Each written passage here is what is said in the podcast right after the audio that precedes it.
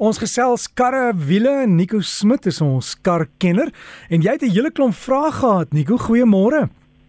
Goeiemôre Derek, hoe gaan dit met jou? Dit gaan baie goed. Dis naweek, maar daar's soveel dinge om te doen. Jy weet, um, ek het gister 'n bietjie kar gewas en uh, mense moet dit soms self doen dat jy al die merkies en goed kan sien, hè.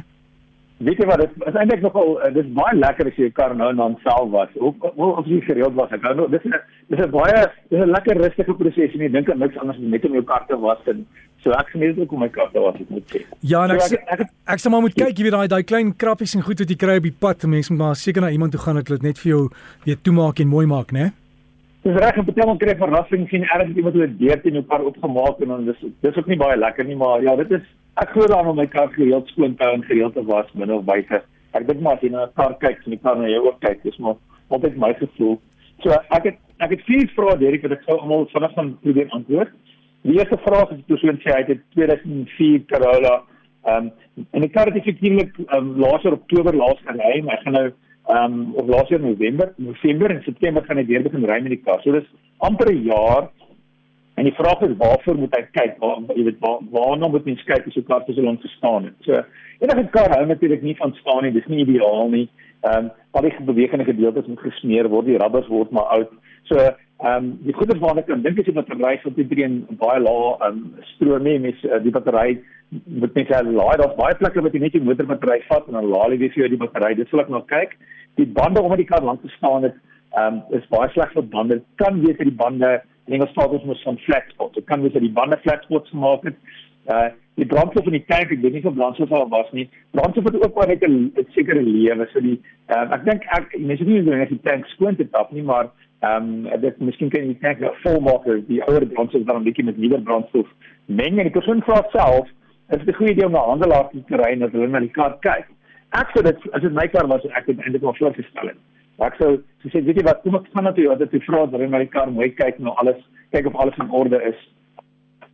Enig olie te vervang en seker goed is nie maar dit is nie 'n slegte idee om net te kyk na alles. Ag as jy net weer die kar wil ry, ehm um, ja, so dis wat ek sou voorstel. Die volgende vraag was iemand vra my Um, hulle bly in, in Engeland en as hulle brandstof ingooi, daar's geen petroljokies nie, dan gooi hulle dit en dan is daar baie skuim en dan wag hulle bietjie en gooi hulle die brandstof tot heel bo is is dit die regte ding. Ehm um, en dit is definitief glad nie 'n goeie idee nie want as mens kyk waar die brandstoftank sit, dis om en by kom ons sê dit 'n gewone sit dan om en by agter die onder die passasiers waar hulle sit, dis waar die tank is. So wanneer jy nou brandstof ingooi, as jy brandstof kan sien, beteken dit die tank is klaar vol en jy's nou al besig om die tank vol te maak. Wat baie gevaarlik is, jy by die volstasie uitry en kom ons sê iemand ry net vas al wat brandstof is nie die die, die kasse tank is goed beskerm maar daai pyp wat jy vol maak is nie goed beskerm nie. So um, die die vraag is ook dan hoe werk die brandstofverbruik uit? So meeste karre gelukkig vandag het 'n ritrekenaar wat jy die brandstofverbruik kan gee, maar as jy die tank vol maak, um, gooi ek altyd as ek as ek vol maak sê vir die vir die petrologie uh, as jy as hy vir die eerste klik, as hy klik kan jy maar stop. Ehm um, moenie verder brandstof ingooi nie. So as jy wil uitwerk wat jou brandstof is, is die maklikste om aan die kar te ry tot hy leeg is. Kyk hoe groot, kyk in die eier eienaar handleiding hoe groot die tank, kom ons sê dis 50 liter. Ry die kar tot hy jou liggie, kom ons sê begin brand of flikker, jy weet dat jy weet met brandstof amper klaar en dan gooi in en kyk hoeveel brandstof gooi in. Kom ons sê gooi 50 liter in. Ehm um, jy wil sien jy kan eintlik so 2 of 53 liter ingooi um, as jy tot bo gooi. Dis eintlik daai gedeelte van die pyp wat jy vol maak. En dan so gooi 50 liter brandstof in, ry weer deur die luggie anders. Gooi weer kyk wat die brandstof is en dan kan jy dis 'n maklike manier om uit te werk hoeveel brandstof jy dan in die voertuig gegooi het. 'n Volgende vraag is iemand sê hulle nou dag by volstasie uh, is daar 'n standaard, dis nou 'n diesel, standaard diesel 50 ppm en 'n ultra low 50 ppm wat duurder is.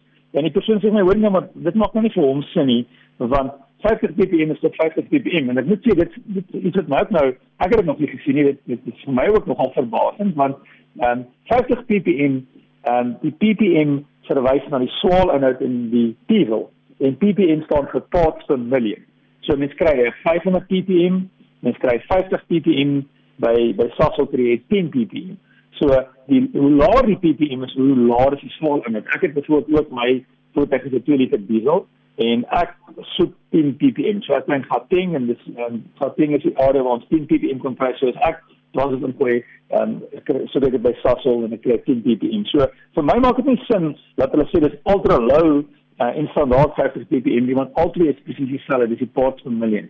En hoe meer die parts per million is, hoe meer swaal is daar in die brandstof. Swaal was voorgebruik in 'n diesel engine om die, die om om te help met smering.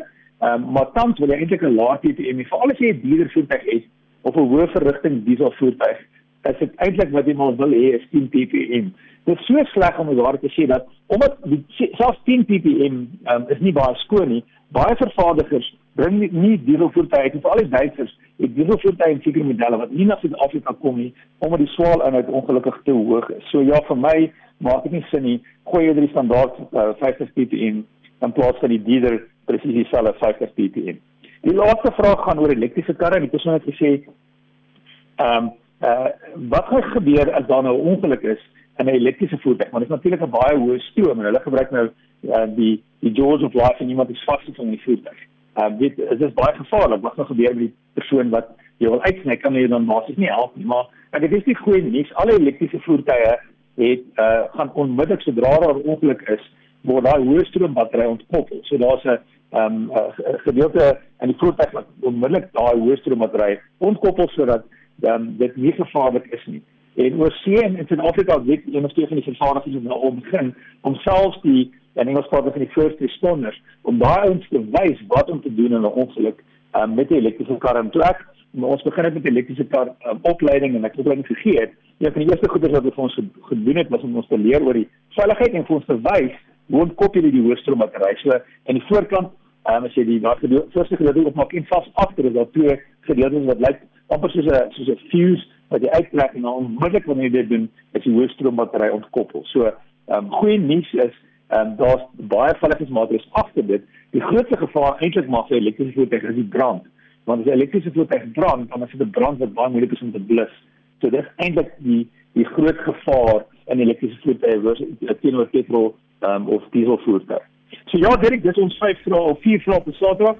Ehm um, ek hoop jy het 'n lekker rustige Saterdag gehad.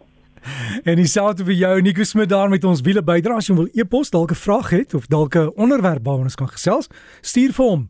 E-posadres wiele by rsg.co.za wiele by rsg.co.za